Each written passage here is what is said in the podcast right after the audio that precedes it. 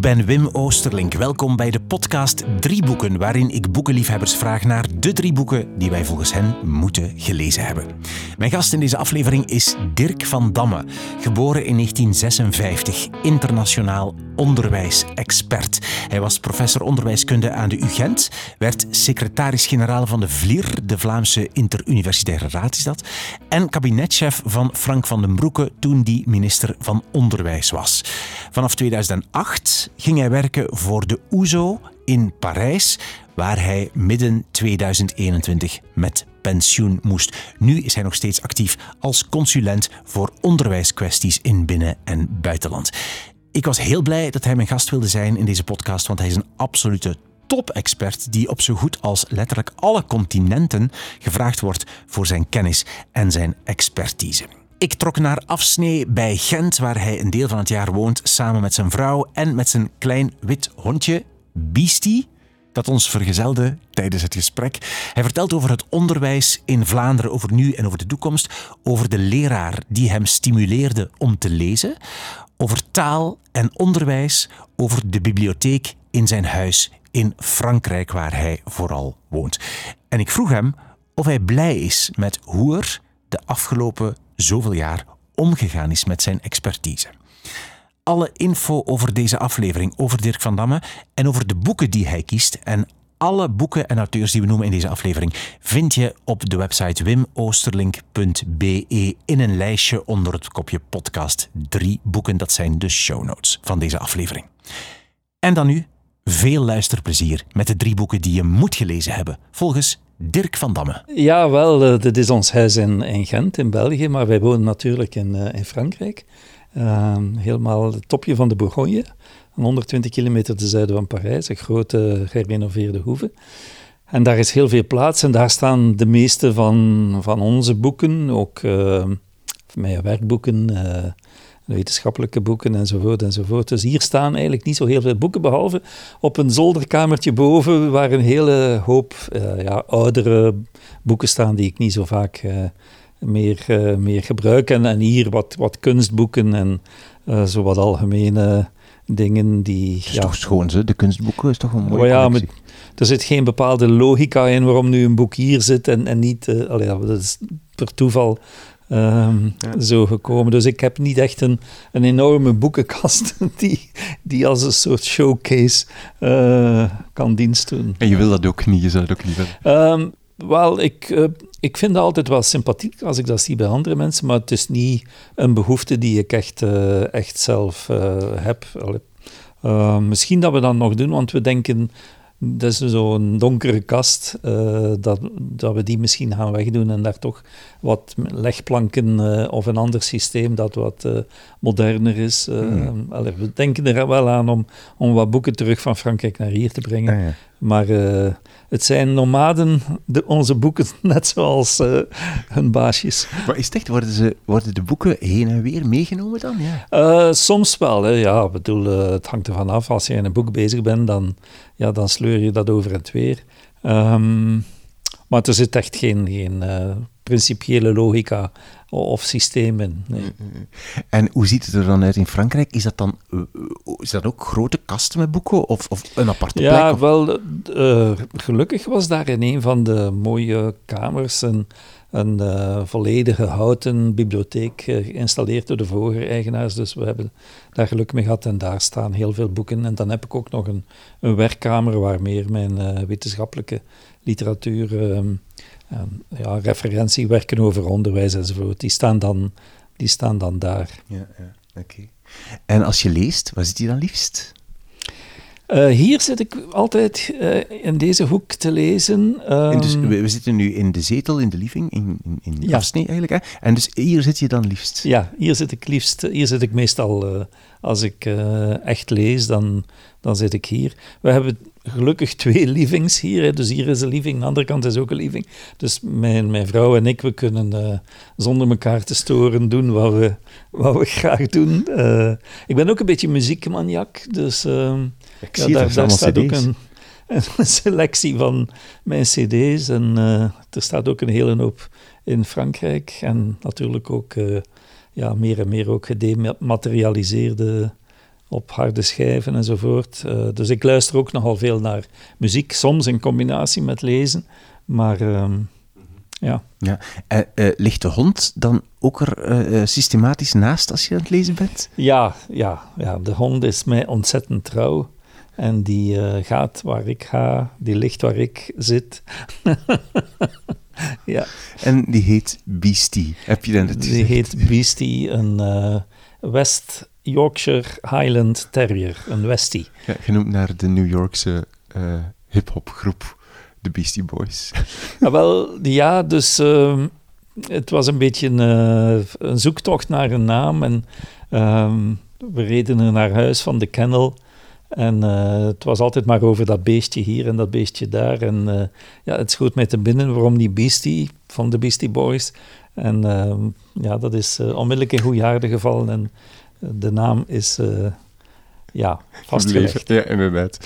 Oké, nog daarna, we gaan direct naar jouw drie boeken, maar um, je, je, zegt dat je vooral in Frankrijk woont en dus hier af en toe bent. En is, daar, is er daar een reden voor omdat je afwisselt? Of, of hoe moet je me dat voorstellen? de reden waarom dat we naar Frankrijk gaan wonen zijn, is natuurlijk omdat ik bij de OESO uh, eh, aan de slag was vanaf 2008. Um, ehm, dus uh, ja, dat ik op commuting afstand van Parijs uh, moest wonen. Um, we hebben eerst een paar jaar in Parijs gewoond, maar ja, we zijn alle twee nogal mensen van buitenleven, dus we zijn dan toch uit Parijs getrokken na een paar jaar en in een uh, ja, grote hoeve uh, die we gekocht hebben in het noorden van de Bourgogne gaan wonen. Um, en meestal zijn we daar. Natuurlijk, ik ben nu sinds 1 juni op pensioen. ik ben iets vrijer in mijn tijdsbesteding. En dan hebben we gezegd, we gaan nu proberen af en toe een keer wat langere periodes in België te zijn om uh, ja, kinderen, kleinkinderen, familie uh, en dergelijke meer. Dus uh, in plaats van... Vroeger pendelden we nogal vaak over en weer. dat vermijden we nu. We blijven dan meestal voor twee, drie, vier weken hier. En dan weer voor een, een aantal weken in, in Frankrijk. Ja, oké, goed. We gaan eens kijken. Ik ben benieuwd of Beastie de hele tijd nu gaat liggen slapen naast jou of gaat blijven liggen terwijl wij over boeken praten. Hoe lang het gaat duren. Ja. ja. niet. Enfin, we gaan kijken. Uh, drie boeken waarvan je vindt dat we ze moeten gelezen hebben, hè? of drie boeken die voor jou uh, belangrijk zijn of geweest zijn. Wat is jouw eerste boek? Wel, misschien eerst een woordje over de selectie, omdat um, ik vind het twee totaal verschillende vragen. Boeken die voor mij belangrijk zijn, die mij getekend hebben, of boeken waarvan ik vind dat anderen ze moeten gelezen hebben. Dus dat, die pretentie heb ik eigenlijk niet, of dat vind ik een beetje riskant om te zeggen, wat moeten andere mensen echt lezen. Maar dus ik ben er eigenlijk van uitgegaan, wat zijn de boeken die mij vroeger of nu um, toch wel beïnvloeden. Um, en het eerste is een boek dat, waar ik teruggrijp naar mijn studententijd. Uh, Thomas Kuhn, The Structure of Scientific Revolutions. Uh, de structuur van wetenschappelijke revoluties. Het is een boek dat, um, ik heb het uh, van op de zolderkamer weer boven ah, ja, dat komt van op de zolder, dat komt ja, op de zolder, dit exemplaar. Kijk, dus het is een beetje een beduimeld exemplaar. Het ziet er ook um, echt zo oud zo van, van zo zouden ze dat nu niet meer drukken. Het papier is vergeeld. Uh, het was ook niet bijzonder uh, uh, op hoogwaardig papier en, en, en luxueus uitgegeven, mm. die vertaling.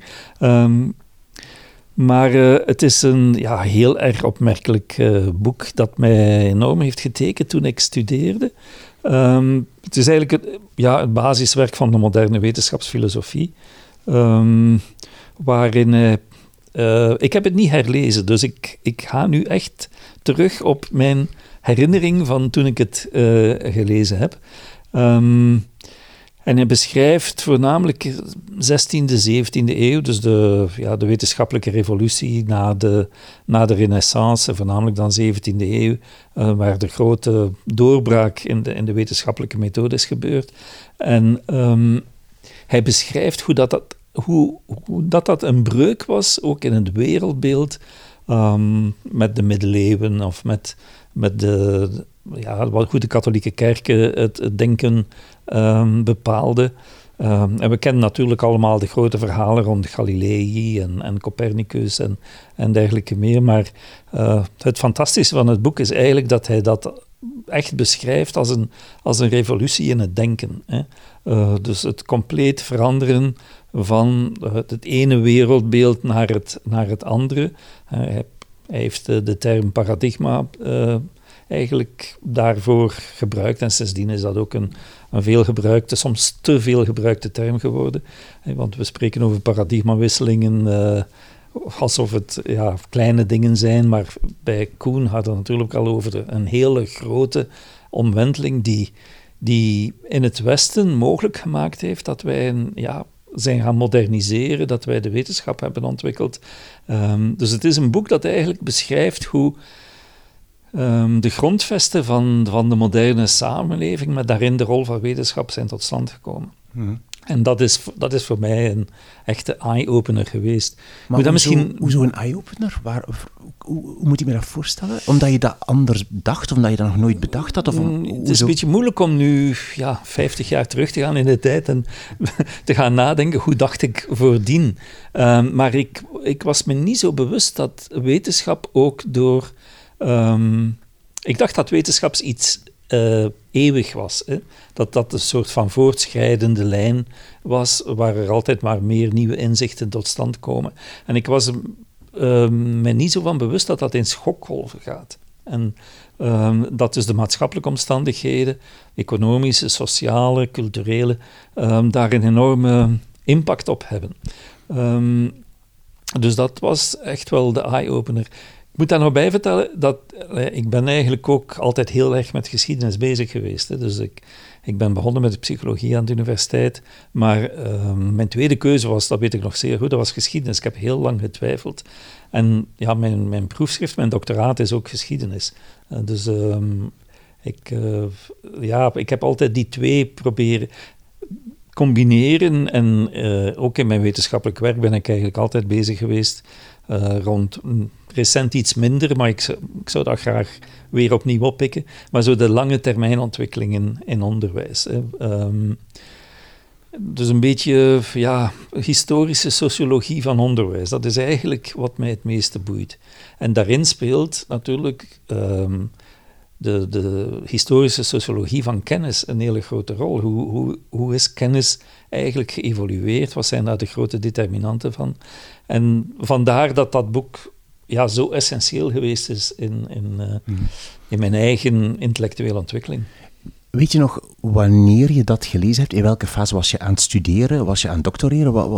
wanneer was dat? Het moet in, in ja, tweede kandidatuur of, ja. of, of uh, derde kandidatuur. Nee, dat bestond niet. Uh, of eerste licentie geweest zijn. Uh, dat, ik het, dat ik het gelezen heb. Ja, ja, ja. Okay, want het is natuurlijk, dat is wel een, een, een vrij heftig filosofisch diep filosofisch werk over wetenschapsfilosofie. dat is niet zo evident om toch tot je te nemen als je, hoe oud bent, 19 of 20 bent. Ja, ja. ik heb in die periode veel gelezen. Uh, dat, uh, dat herinner ik me nog. Uh, nadien heb ik periodes gehad dat ik veel minder las. En, en dat is eigenlijk, ik heb er altijd ja, wat spijt over gevoeld. Um, ik wil het nu wel weer wat activeren, maar ja, als je in een druk beroepsleven bezig bent, kom je er niet meer zo gemakkelijk toe om echt fundamentele werken uh, ja, grondig te lezen. Want dat, dat zijn van die boeken waar je, ja, je moet je gedachten daarbij houden en je moet het ook verwerken. Uh, het is niet zomaar passief lezen, maar echt er actief mee omgaan. Um, en ik herinner mij dat dat bij dat boek echt wel uh, het geval was.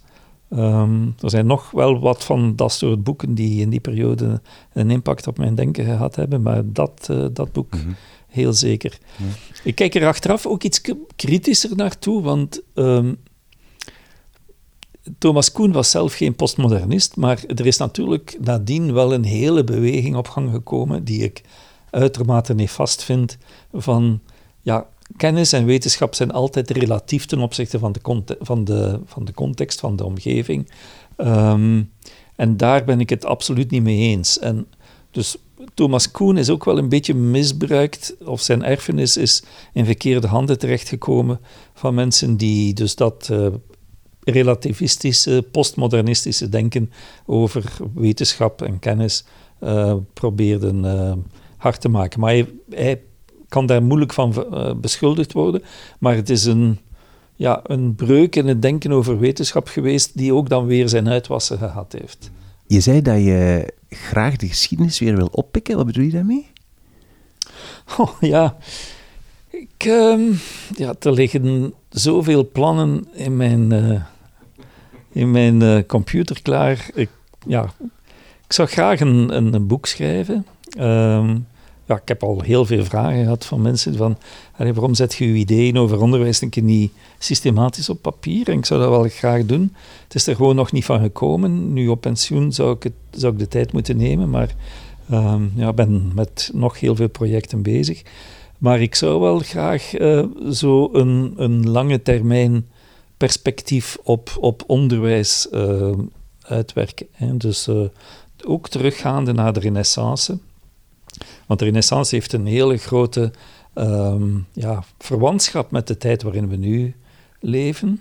Um, en we, komen eigenlijk opnieuw tot dezelfde denkbeelden, ook in een soort van, ja, wat is het ideaal dat onderwijs moet, um, moet teweegbrengen. En heel veel auteurs die over die fundamentele vragen nadenken, die gaan ook in de richting, ja, toch weer die renaissance mens, Leonardo da Vinci, uh, die ja, over heel veel disciplines heen, um, zonder te specialistisch te willen zijn, maar toch fundamenteel uh, de bakens heeft, uh, heeft verzet. Dat is eigenlijk weer een, een mensbeeld dat in, dat in opkomst is. Maar dat plan om, om dus zo een lange termijnvisie uh, neer te schrijven, omdat onderwijs heeft eigenlijk de moderne samenleving meegemaakt. Dat, dat is, daar ben ik fundamenteel van overtuigd. Um, onderwijs is geen product van de samenleving, maar heeft die samenleving gemaakt.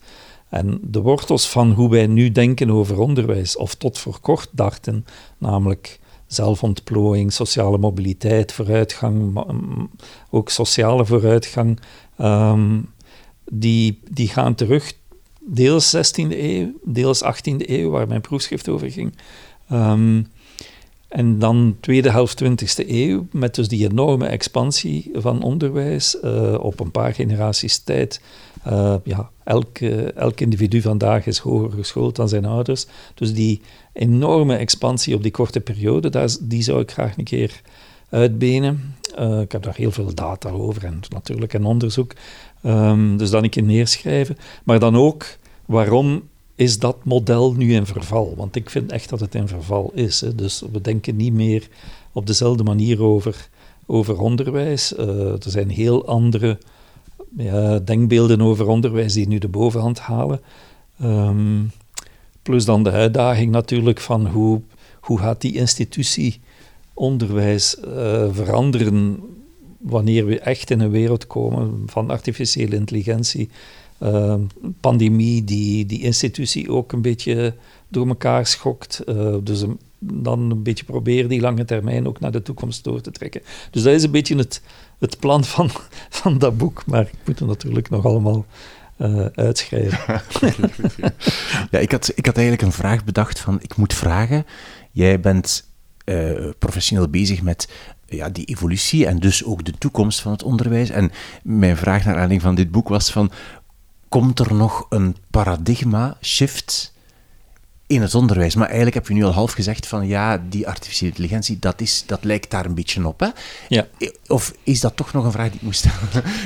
Wat er iets over te zeggen is. Een van de ideeën van Koen, van Thomas Koen, is geweest van, uh, en ook van een andere auteur die mij ook geweldig heeft beïnvloed, Antonio Gramsci. Um, van als je in het midden zit van een transitie of een transformatie, zie je niet waar die transformatie gaat, gaat naartoe gaan. Hè. Dus je ziet alleen maar dat de dingen aan het verschuiven zijn. Um, en ik denk dat we ons een beetje op dat moment bevinden. Um, artificiële intelligentie is voor een stuk overroepen.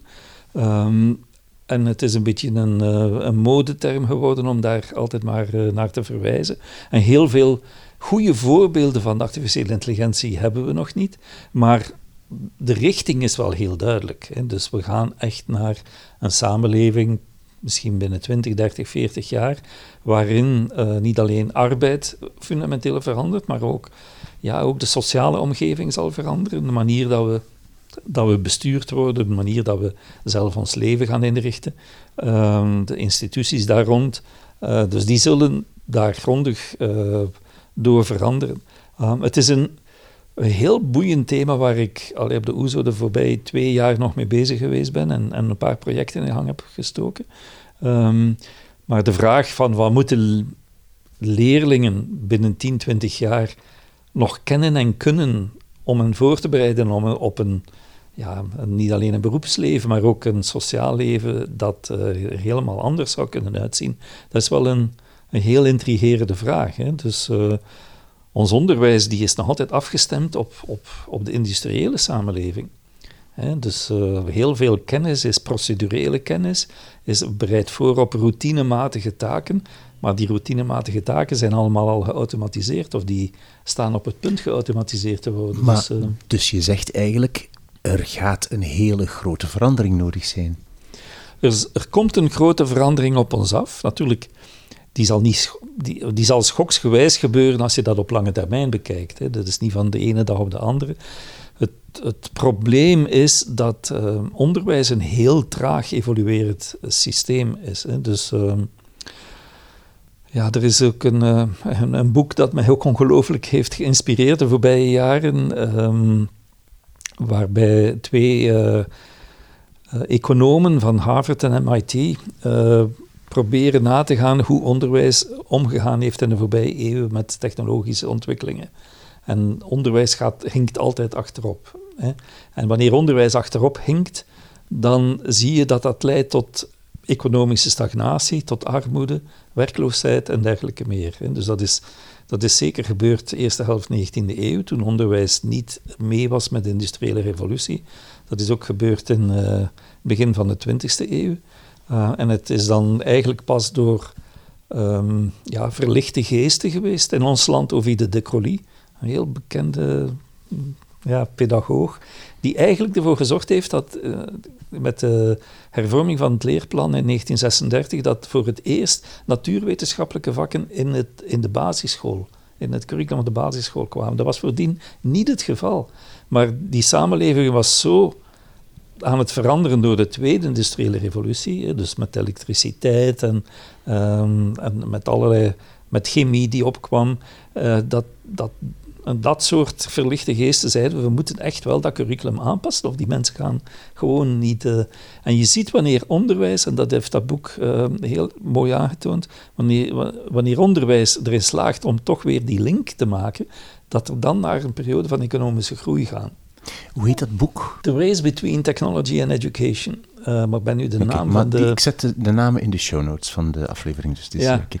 Als ik het goed uh, gezien heb, ben jij op dit moment ook verbonden aan Harvard via, zo, eigenlijk onrechtstreeks ja. via een soort... Um, Niet aan Harvard zelf, maar aan een spin-off spin van Harvard. van Harvard, ja, ja. waar je wat is Senior Research Fellow bent. En ik neem aan dat jullie daar ook nadenken over dat ja, ja, absoluut. probleem. Het, het gaat daar over dat soort vragen. Hè. Dus um, het is eigenlijk omdat ik daar op de OESO heel sterk mee bezig was, dat die mensen mij dan gevraagd hebben van als je op pensioen gaat, zouden we je graag recruteren. Zo, ja. Um, en uh, ja, met heel veel plezier, want het is een center, Center for Curriculum Redesign, dat um, echt probeert van grondig na te denken, maar ook concreet dingen te ontwikkelen.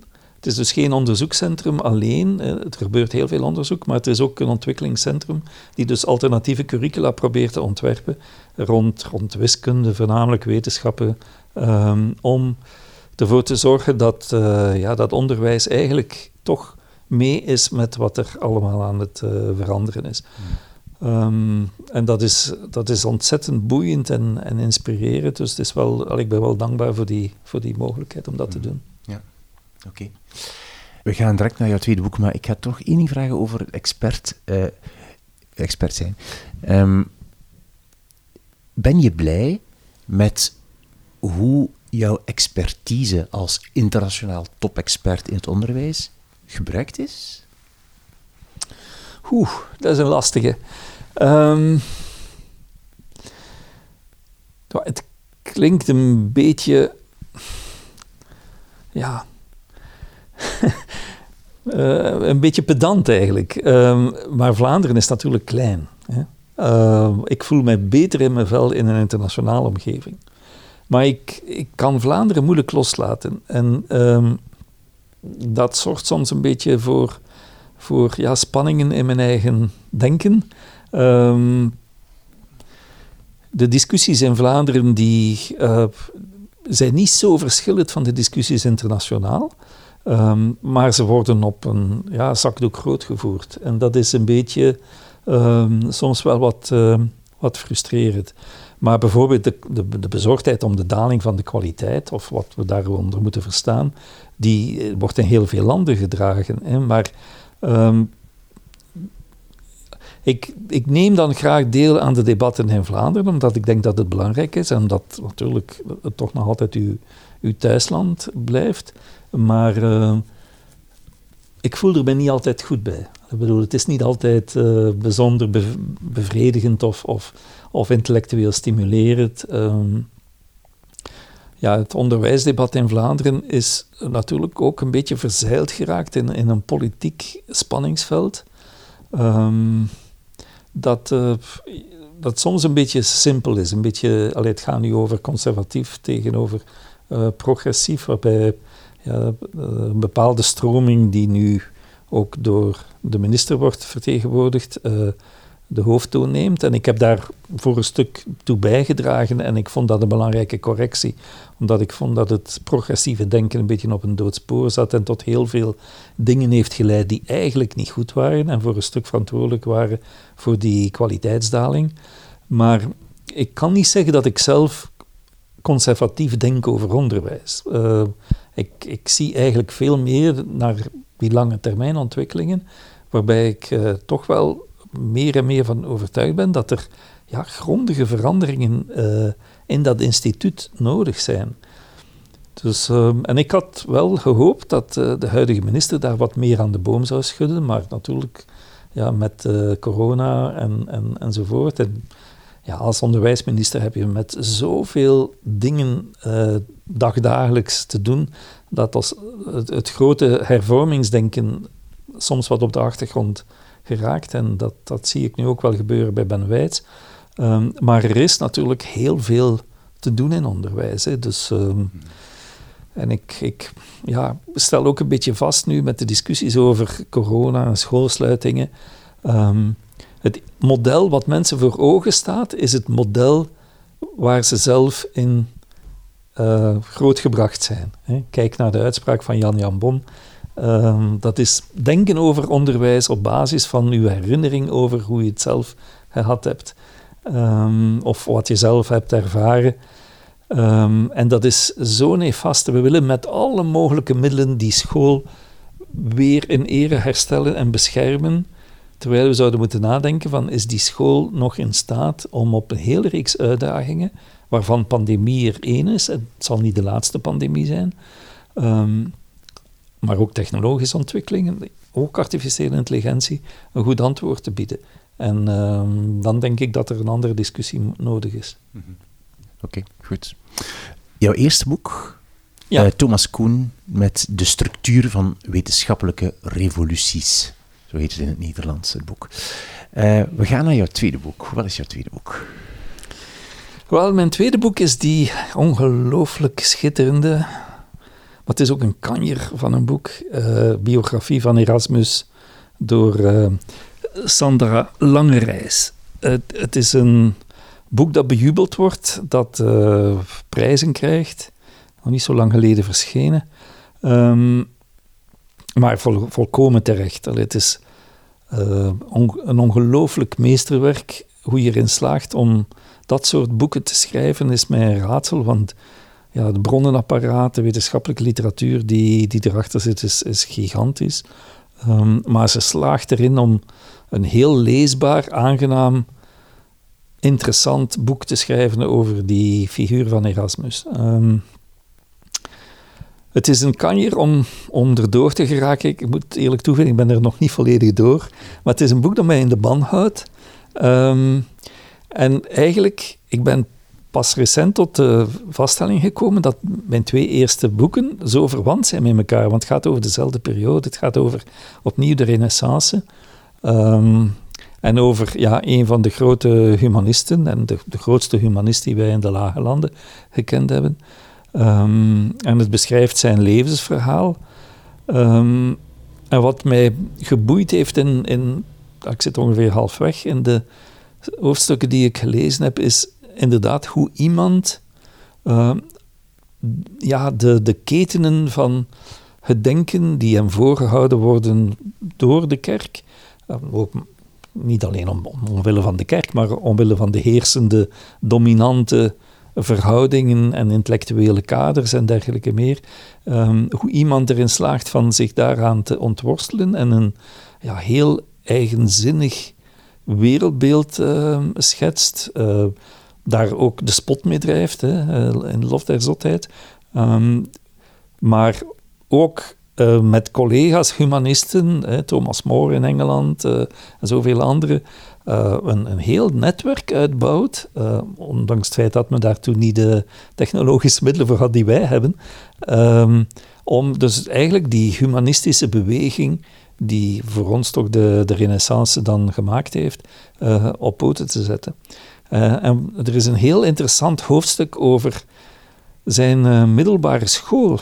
Um, en blijkbaar was er in Deventer, um, waar hij dan naar school geweest is, een, een heel progressief verlicht um, ja, college is de verkeerde naam, maar de, een soort van gymnasium, um, waar hij in contact kwam met uh, uh, ja, priesters natuurlijk, maar die de Bijbel op een heel andere manier begonnen te lezen, uh, die hem ook gezegd hebben, je moet proberen het Latijn, dat toen dat natuurlijk de albollige kerklatijn was, achter jou laten, lezen het in het Grieks. Hij heeft zich dan in het Grieks bekwaamd. Um, dus dat zijn details, maar het, het is eigenlijk het verhaal van hoe um, een, een, briljante jonge man, um, ja, hoe die aan zijn intellectuele tocht begint. Op de juiste momenten met de juiste personen in contact is gekomen, die een geweldige impact op hem hebben gehad. Um, en hoe die dan ja, zijn denken um, ontwikkelt en dergelijke meer. Het is ook een interessant boek, want ze relativeert heel sterk ook uh, Erasmus. In de zin van, ja, zeer verwaand, eigenwijs. Um, ze het is ongelooflijk knap hoe ze de verschillende versies van de Lof der Zotheid, waar misschien twintig verschillende versies van bestaan, uh, die hij allemaal geredigeerd heeft, waarin hij soms begint te liegen, dingen verdraaien uh, en, en dergelijke meer. Dus hoe iemand toch ja, een beetje door de roem en, en de faam die hij krijgt, wordt... Wordt bedwelmd en, en begint... Uh, hij heeft ook gelogen over zijn eigen afkomst, want hij was een bastaardzoon. Uh, maar hij kon bepaalde deuren niet openen, omdat hij uh, dus een onwettig kind was. En hij heeft dus op slinkse manieren de paus zover gekregen dat hij een soort van... ja, hoe noemt dat? Een... geen aflaat, maar een soort van erkenning kreeg dat hij geen bastaardkind was. Um, dus eh, ja, de grote kanten, de kleine kanten. En, en heel toevallig, um, ja, het speelt zich ook af in een periode van pandemie, namelijk de pest. Ah, ja. Dus de, de pest die dan in Europese steden woedt en die uh, natuurlijk heel veel slachtoffers maakt en de manier waarop mensen daarmee omgaan en, en is een belangrijk thema in het, in het, uh, in het boek. Dus het, uh, het is een heel inspirerend boek waar je eigenlijk soms van denkt, ik ben hier nu over het heden aan het lezen in plaats van over, over de, de 16e eeuw. Wow. Is er, is daar nu, is, maak je aantekeningen in boek of niet? Nee, nee, ah, nee. ik maak nooit aantekeningen. Oei, ik kijk, ik kijk nu echt zo bijna kwaad naar Nee, mij. ik vind dat...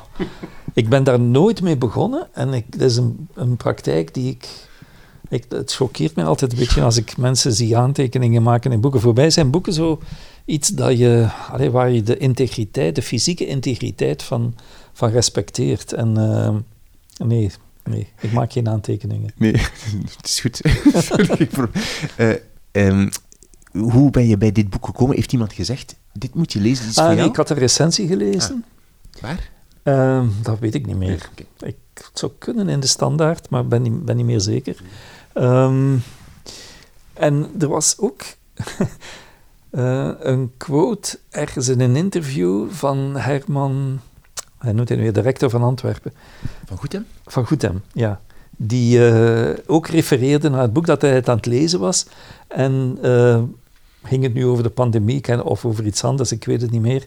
Maar hij sprak toen ook met, met zoveel bewondering over het boek. En ja, dat zijn zo van die kleine signalen die je dan oppikt en zegt van, potverdorie, ik moet het ook hebben. Ja, uh, ja. ja, heb, je zo, heb je mensen die, waar je vaak boekentips van aanneemt? Dus uh, recensies bijvoorbeeld, zeg je nu, maar nog, nog bronnen of vrienden of... Mm, niet, maar ik hou mijn ogen wel open um, voor wat ja, mensen die ik respecteer um, uh, suggereren van, als boeken. Uh, ja, dat, dat kan iemand zijn zoals Maarten Boudry in, Gent, of dat kan ja, ook Luc Sels, allee, om in de sfeer van de rectoren te blijven. Um, ja, nee, ik heb geen specifieke bronnen eigenlijk die mij inspireren, maar Ehm, ja, heel breed. Ja, ja. Heb je als kind veel gelezen? Waren er boeken in huis? Ja, ja, ja, er waren vrij veel boeken in huis. Uh, niet overmatig veel, ehm, maar uh, ja, ik was toch een uh, heel trouwe bibliotheekbezoeker. En ehm, ja, ik heb ook op de lagere school zelfs heel, heel veel gelezen. Ja. In Gent? Nee, mijn, uh, ja, mijn lagere school was, was deels in Sint-Amansberg, deels in Zomergem, waar we gaan wonen zijn omwille van de beroepssituatie van mijn vader. Um, en uh, ook een uh, ja, heel inspirerende onderwijzer, door een echte dorpsonderwijzer in het zesde studiejaar meegemaakt, die mij ook heel ehm, inspireerde tot het lezen en ook tot muziek. Hè. Dus ik heb toen ook ik was al bezig naar de muziekschool te gaan toen ik heel klein was. Ehm, maar met die uh, onderwijzer heb ik vaak samen muziek gemaakt. Hè, als kind van zes jaar, van twaalf jaar. Um, in het zesde, het zesde leerjaar. En dus je zegt, hij stimuleerde ook om te lezen. Wat deed hij daarvoor? Um, wat, er was wel een goede schoolbibliotheek. en ja, ik herinner het me niet meer zo concreet, maar hij, ja, hij bracht mij toch af en of hij, hij, bracht een boek mee en zei van dat zouden we een keer, een keer moeten lezen. Of, ehm, ja, het was echt iemand die stimuleerde om, te lezen. Ja. ja. Fantastisch, hè? Ja, ja, absoluut. Want ja, nu moeten we allerlei initiatieven gaan ontwikkelen. Uh, het leesoffensief van de Vlaamse regering enzovoort. En ik vind dat allemaal heel belangrijk. Maar ehm, ja, het komt allemaal een beetje kunstmatig over. mochten onderwijzers en leraren echt nog die, die stimulans hebben om, om, om kinderen dat, daar de liefde voor het lezen bij te brengen. Uh, want we doen het niet goed, hè, lezen. De leesvaardigheid, begrijp het lezen, de cijfers die we hebben zijn, zijn dramatisch slecht. Uh, ja. En hoe komt dat? God, dat is een lang debat, daar wordt uitvoerig over gediscuteerd onder onderwijskundigen. Uh, ik, um, ik heb daar wel een beetje mijn eigen theorie over. Ik vind dat de, de taaldidactiek uh, compleet op het verkeerde spoor is gezet geweest. En, ja, 10, 15 jaar geleden. Uh, omdat um, ook het literatuuronderwijs is, is uh, veronachtzaamd, ook in, in, het secundair, in het secundair curriculum. Um, omdat taal volgens die richting, die ik dus absoluut nefast vind, um, voornamelijk een communicatieinstrument moet zijn. Dus uh, vandaar dat grammatica en correcte spelling ook veel minder aandacht kregen in, en dan de eindtermen die in die periode zijn ontwikkeld. Um, dus het gaat voornamelijk om communiceren. Zolang, zolang, iemand zich goed kan uitdrukken en zich verstaanbaar kan maken, is het al goed. He, dus de, het communicatieve paradigma in de taaldidactiek. Um, en dat vind ik zo'n nefaste verandering geweest, die die om puur ideologische redenen is doorgedrukt geweest. Uh, want de wetenschappelijke basis daarvan is zeer pover. Um, maar die wel, uh, zeker in ons land, in andere landen ook, maar iets minder fel. Hè, omdat er een aantal ja, van die communicatieve linguisten uh, aan de Vlaamse universiteiten het hoge woord hebben gevoerd gedurende lange jaren. Is dat ook de manier geweest waarop men dacht dat taal moest onderwezen worden. Um, en ja, met de nefaste gevolgen die we gezien hebben. Het, ja, de taalcompetenties van Vlaamse jongeren zijn echt naar beneden gekelderd. Um, en uh, ook, ook in het basisschool, hè, dus het begrijpen, het lezen, is, uh, is enorm achteruit gegaan volgens de laatste cijfers die we hebben. Um, het leesplezier is achteruit gegaan. Want je moet, eh, je moet de taal goed beheersen om plezier te hebben in het lezen. Terwijl de communicatieve taal didactiek omgekeerd redeneert. Die zei van, je moet eerst plezier hebben in het lezen en dan zal je de taal wel verwerven. Uh, alsof dat, dat vanzelf gaat. En dat is compleet kar voor het paard spannen. Ehm, het is, je moet eigenlijk de taal als tool goed beheersen, ook cognitief. Dat betekent ook inzicht hebben in grammatica. Ehm, misschien niet meer op de oudbollige manier dat we het uh, onderwezen kregen toen ik klein was, maar ehm, de structuur van de taal en de cognitieve instrumenten van de taal goed beheersen is noodzakelijk om plezier te krijgen in het lezen. Uh, en ja, je moet ook de techniek van het zwemmen onder de knie krijgen om plezier te vinden in zwemmen. Uh, en daar zijn dus ja, ongelooflijke fouten gemaakt. Voor taal kan ik me daar echt in opwinden, voor wiskunde ook wel, alhoewel daar de, de, de schade uh, ja, misschien minder dramatisch is. Maar toch, ook in PISA-cijfers gaan we voor wiskunde achteruit. Um, dus er, is, ja, er zijn heel veel verkeerde beslissingen genomen. Jouw tweede boek, Erasmus, de soort biografie op basis van zijn brieven, denk ik, is het. Uh, Voornamelijk op basis van autodocumenten, hè, dus zijn brieven. Maar ook, uh, en dat is uh, een heel in, inspirerende, interessante techniek. Ze heeft dus al die versies van al zijn, zijn, ook van zijn autobiografie, die hij een paar keer geschreven heeft, heeft ze vergeleken. Hè. Dus ze, is eigenlijk als een, ja, kritische bronnenonderzoekster doorheen al die dingen. Ik moet me, moet er aan herinneren dat, dat je Walter Prevenier hebt uh, geïnterviewd, die natuurlijk van de historische kritiek echt uh, ja, zijn handelsmerk heeft gemaakt en ontelbare generaties in die, in die zin heeft. Ik heb nooit zelf last gehad van Walter Prevenier, maar ik weet natuurlijk wel wat er in zijn cursus stond. En, het is een heel invloedrijke mens geweest. Ik denk niet dat Sandra Langerijs leerling was van Walter Prevenier, maar het is in dezelfde geest van historische bronnenkritiek um, dat ze dat onderzoek uh, gedaan heeft. Ja, bronnen naast elkaar liggen. Sandra Langerijs met EI. Um, en het boek heet Erasmus. En ik wil, ik, ik, er zit iets tussen, mag ik kijken wat er tussen zit? Er zit iets tussen, maar altijd aan het ah. denken, wat is daar nu tussen eigenlijk, tussen dat boek? Ah, het is een, een bladwijzer. Het is een bladwijzer, oké. Okay, ja, ja. ja, vandaar. Okay, ja. Met een lintje aan. Zo een ik ben al verder zo... geraakt dan dat, maar ah, het was gewoon een keer teruggrijpen naar iets dat ik... Ah, er staat ook Dirk op de bladwijzer. Ja. Het lijkt, het lijkt alsof het gemaakt is door een kleinkind of ja, ja. Als een cadeautje. Ja. ja. Is het zo? Uh, die bladwijzer is een cadeautje van een van mijn kleinkinderen geweest, ja. Het lijkt, ik zag het. Ik ken dat, ik heb ook kinderen die zo klein zijn. Oké. Okay. Dat was jouw tweede boek. Wat is jouw derde boek? Ja, ik heb een beetje geaarzeld, maar uh, ik heb het toch, uh, omdat het mij ja, bezighoudt, um, Reset van Mark Elgardus. Een heel recent boek.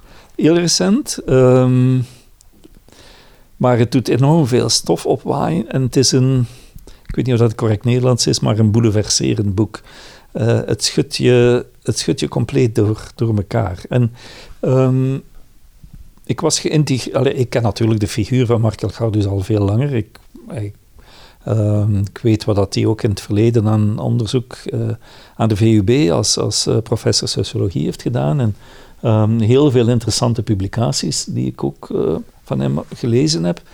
Um, en ik wist dat hij aan een boek bezig was. Ik, ik heb nog met een van zijn oud-assistenten onlangs uh, over, over Mark gesproken. Um, Koen Pellerio, die nu, die grote ja, basis van het gemeenschapsonderwijs. Um, en uh, voordat, we, voordat het boek gepubliceerd werd, wisten we alle twee in welke richting het ging gaan. En um, ik, ik, keek er wel naar uit om het uh, te lezen. En toen het verscheen en ja, de commotie op gang kwam, met onder meer ja, een vlammende naar mijn gevoel, echt um, ja, nietszeggende kritiek van Louis Tobak in uh, samenleving en politiek. Uh, dus ja, ik uh, moet het echt lezen. Dus um, ik, ik, heb het bijna uit. Ehm, ik moet alleen het meest kwestieuze en politiek moeilijke deel, dus dat nawoord of die, die uitleiding, die, waar eigenlijk zijn meest uh, problematische stellingen imponeert, dat moet ik nog lezen. Dus ik ben eigenlijk nog een beetje onder de indruk van de heel erg interessante uh, hoofdstukken die, die de aanloop, een heel lange aanloop zijn naar zijn politieke stellingnamen op het einde. Mm. Want het debat gaat eigenlijk voornamelijk over ja, die politieke stellingnamen, over migratie en over de rol van rechters, over democratie, over het Vlaams Belang en dergelijke meer. Uh, maar je moet het boek echt lezen voor de, ja, de intellectuele um, weg daar naartoe. Um, ik ben het niet eens met zijn conclusies en ik vind dat op sommige punten gaat hij heel snel over dingen heen. Dus het is een boek waarmee je kan discussiëren. Het is een boek dat je niet leest van ik ben er nu mee akkoord of niet mee akkoord. Het is een boek dat, um, zeker voor iemand die ja, links progressief denkt, uh, toch um, een enorme intellectuele spiegel voorhoudt. Maar en, kan je iets concreter uitleggen wat er bouleverserend dan is, of wat die spiegel precies is? Of ongeveer, hè? Ja, een ehm, paar voorbeelden. Ik ben altijd iemand geweest die in internationale samenwerking gelooft heeft en gelooft. Ik ben ook een heel vurig verdediger van de Europese Unie, van internationale uh, tolerantie, van samenwerking en dergelijke meer. Dat is de, natuurlijk de mentaliteit waarin ik ook intellectueel en politiek ben ben groot geworden.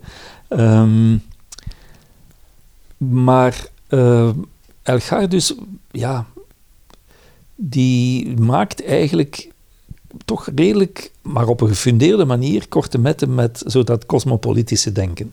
Hè? Um, en hij, gaat een beetje in de richting van de clash van beschavingen hè, van Samuel Huntington. Uh, dus dat er eigenlijk ja, systemen, gemeenschappen noemt hij, uh, bestaan in de wereld die zich heel moeilijk tot elkaar verhouden uh, en die je dus moet afschermen.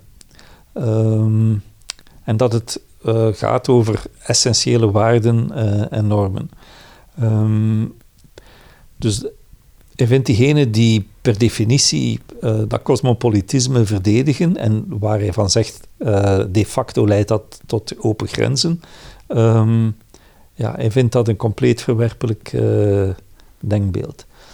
Um, daarbij aansluitend natuurlijk ja, zijn visie op migratie. Um, ik ben niet iemand die voor open grenzen pleit, maar ik vind wel dat, dat migratie per, niet per definitie negatief is. Hè. Dus dat migratie ook zorgt voor communicatie, uitwisseling tussen, tussen samenlevingen uh, en dat dat historisch ook altijd zo geweest is.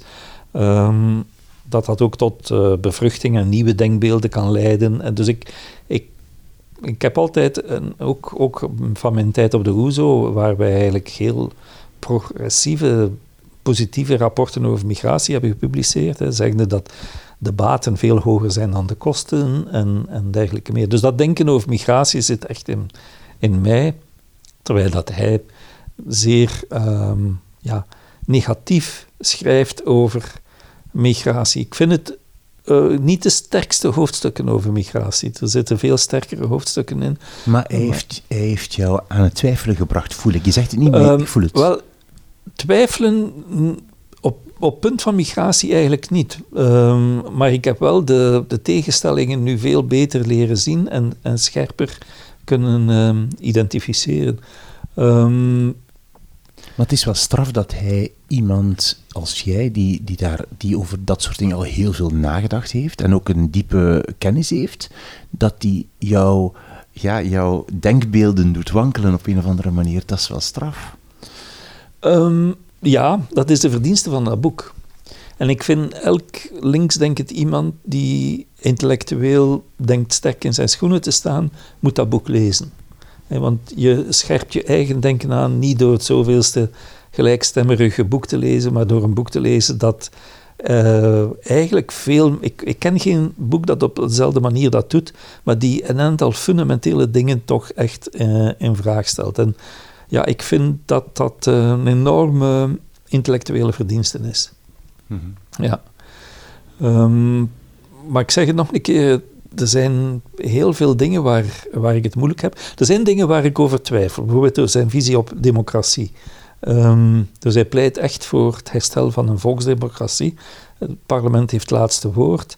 Um, cordon sanitair is per definitie verkeerd. Um, het zijn niet de rechters die uh, moeten uh, beslissingen nemen in, in kwestieuze conflicten of, of meningsverschillen. Uh, het, het, laatste woord zou aan het parlement moeten zijn, want dat is de uitdrukking van de volkssoevereiniteit.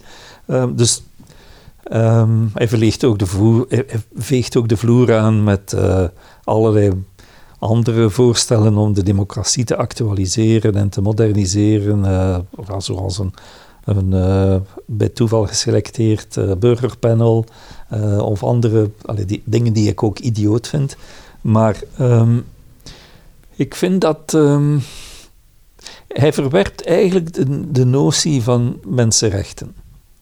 Um, Excuseer, hij verwerpt de notie van mensenrechten. Ja, dat er dus geen absolute uh, mensenrechten uh, bestaan. En dus dat mensenrechten kunnen wel in een bepaalde gemeenschap een codificatie zijn van hoe die samenleving op dat moment over mensen, hun rechten, hun plichten enzovoort denkt. Hè. Dus, uh, maar hij vindt het universalistisch karakter daarvan een vorm van imperialisme.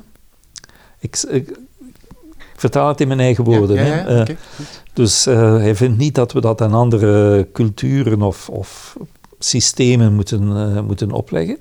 Um, en hij vindt ook niet dat die dan als een soort van axioma moeten gebruikt worden tegen dingen die democratisch beslist worden.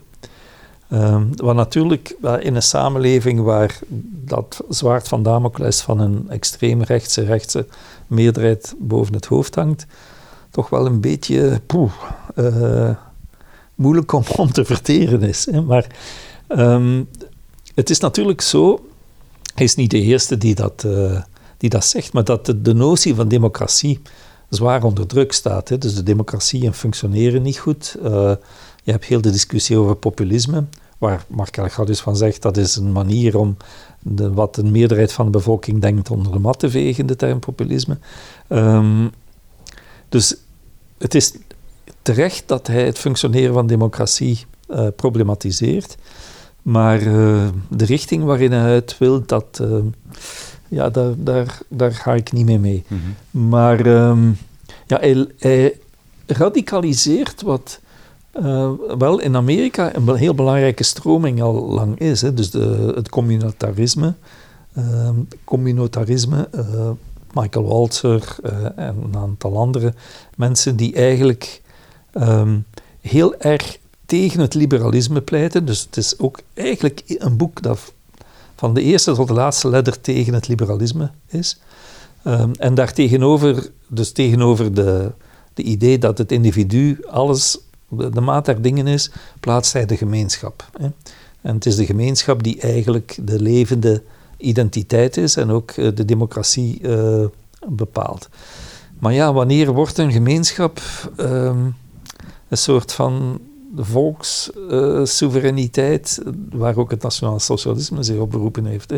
Waar ligt die grens? En die grens zie ik niet getrokken worden bij Markel Gardus. En hij is zeker zelf niet extreem rechts. Daarvoor ken ik hem te goed. ik ken hem niet persoonlijk, maar ik ken hem toch redelijk goed. Maar um, ja, anderen kunnen heel gemakkelijk die grens oversteken uh, met, dat soort, uh, met dat soort denken. Hè. Um, en als je vergelijkt met wat Erik Semoer denkt uh, en, en verkondigt in de ja, dat zijn gradatieverschillen, dat zijn geen fundamentele grote verschillen. Dus ik ben een beetje op zoek van wat, wat, is, wat onderscheidt nu iemand um, die progressief, links, democratisch denkt van, van dat soort denken. Waar liggen die, die scheidslijnen? En dat is een, een hele moeilijke vraag en ik heb daar nog geen goed antwoord op. Ben, het is ook niet echt mijn specialisme, politieke filosofie. Maar um, ja, maar hij, heeft je aan, hij zet je enorm aan het denken, duidelijk. Je, bent, je, je, vertelt je twijfel terwijl ja, ja, je over het is, het is een uh, intellectuele worsteling, ja. hè, dat boek. Ja. Absoluut. Ja. Jouw drie boeken hebben, als ik het aanvoel, gemeen dat, ehm, ja, dat het gaat over het losrukken van intellectuele ketenen. Hè? Toch? Ehm, Zowel ja, bij Thomas ja. Koen, die, die, die jou, jou geleerd heeft van wetenschap totaal anders in elkaar dan dat ik dacht, of de Ja. evolutie ervan. Erasmus, waarvan je zelf zegt, die heb je de ketenen genoemd. hè, En, en Markel Gardus eh, toon je ook van, amai, die heeft mij echt eh, los, ergens mijn verstand losgeweekt uit een aantal vaste dingen. Zo. Ben je een vrijdenker? Ja, dat denk ik wel. Allee, of, of, ik denk dat ik eh, niet echt een vrijdenker ben, maar dat dat wel de ambitie is om vrij te denken. Ehm, maar wel binnen, allee, met respect voor eh, tradities. Ehm, en eh, dat, dat verwijst naar een, een boek dat op mijn longlist ook stond. Koen Lemmens. longlist zelfs. Ja, Koen Lemmens, De dwaling van de beeldenstormer, die eigenlijk een verdediging is van, van tradities. Hè. Dus je, je moet je bewust zijn van het feit dat je in bepaalde lijnen en tradities zit en dat je daar ook in thuis hoort. Ehm, dus ja, dat, ik ga die niet, niet afzweren. Dus vrijdenken in de zin van u volledig losmaken van waar je het- van het groeiproces en van de wensen die daar een invloed hebben op gehad, dat, die ambitie heb ik niet. Maar ik ben wel iemand die ja, intellectueel nieuwsgierig ben en probeert van ehm, betere antwoorden te vinden dan antwoorden die door ja, axioma's eh, u worden voorgeschoteld. En voor mij was het hele idee van mensenrechten een axioma. En misschien zal ik tot de conclusie komen dat het misschien goed is dat het een axioma blijft. Dat dat iets is dat, dat we nu eenmaal gecodificeerd hebben en dat, waar we ons beter aan houden. Maar Markel Gardus, ja, ik vind dat een enorme verdienste dat hij daar een keer goed aan schudt. En dat hij, dat hij, hij je verplicht van te denken van, is dat wel zo vanzelfsprekend dat we het als een axioma beschouwen? Ik heb nog één vraag direct, maar ehm, wil jij jouw drie boeken nog eens herhalen, alsjeblieft? Wat was jouw eerste boek? Mijn eerste boek, ehm, Thomas Kuhn, in het Engels The Structure of Scientific Revolutions, maar ik heb het toen in het Nederlands gelezen, maar de vertaling is echt niet goed. De structuur van wetenschappelijke revoluties. Mhm. Twee. Tweede boek, eh, de biografie van Erasmus, eh, met de gewone titel Erasmus door eh, Sandra Langerijs. Ja, en drie. Drie, Reset van Mark Elgardus. Ja, oké. Eh, zeg, Beastie ligt daar dus nog altijd. Hè? Af en toe heeft ze zich eens uitgerokken, maar ze, ze is gewoon in slaap gevallen van jouw uitleg. Maar ze ligt zo in een eh, halve waak, halve slaap eh, toestand. Ehm, Ja. Mocht er iets gebeuren of mocht ik me rechtstellen, is ze onmiddellijk wakker. Ah ja, oké. Maar eh, ze, ze houdt de wacht. Ja, oké. Ik heb nog één vraag. Je bent, als ik het goed heb, maar verbeter me als ik mis ben, je bent ook extern lid van de Quality Committee van Trinity College in Dublin. Klopt dat? Ja. Ja, Mijn vraag is, boekenvraag, mag je dan zomaar binnen in de bibliotheek? Want eh, de bibliotheek van, eh, van Trinity, ja, is, tuurlijk. is de- wellicht de mooiste ja van de wereld. ehm, ben je er al geweest? Dat is. eh, ik ben nog niet in Dublin geweest, hè, dus ik zal daar waarschijnlijk een keer corona dat toelaat wel een paar keer naartoe moeten. Ehm, en ja, dat gaat eerst een van mijn eerste vragen zijn of dat ik toch een keer dat mag bezoeken.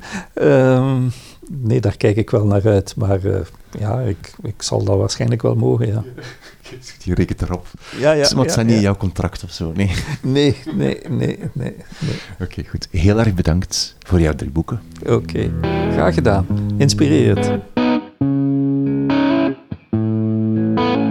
Dit was mijn gesprek met Dirk van Damme. Alle info over de boeken en de auteurs die je hoorde in deze aflevering vind je op de website wimoosterlink.be onder het kopje podcast drie boeken bij de show notes van deze aflevering. Bedankt om te luisteren. Abonneer je op deze podcast. Dat kan normaal op de plek waar je nu aan het luisteren bent. Zo mis je geen enkele aflevering. Zeker niet als je notificaties eh, aanzet. Volg drie boeken op Instagram. Drie in letters geschreven underscore boeken. En laat aan twee vrienden of vriendinnen weten dat ze ook eens naar deze podcast moeten luisteren en hoe ze dat moeten doen. Dankjewel om op die manier de podcast te helpen verspreiden. Ik ben Wim Oosterlink. Dit is de podcast Drie Boeken. Dankjewel voor het luisteren en tot de volgende keer.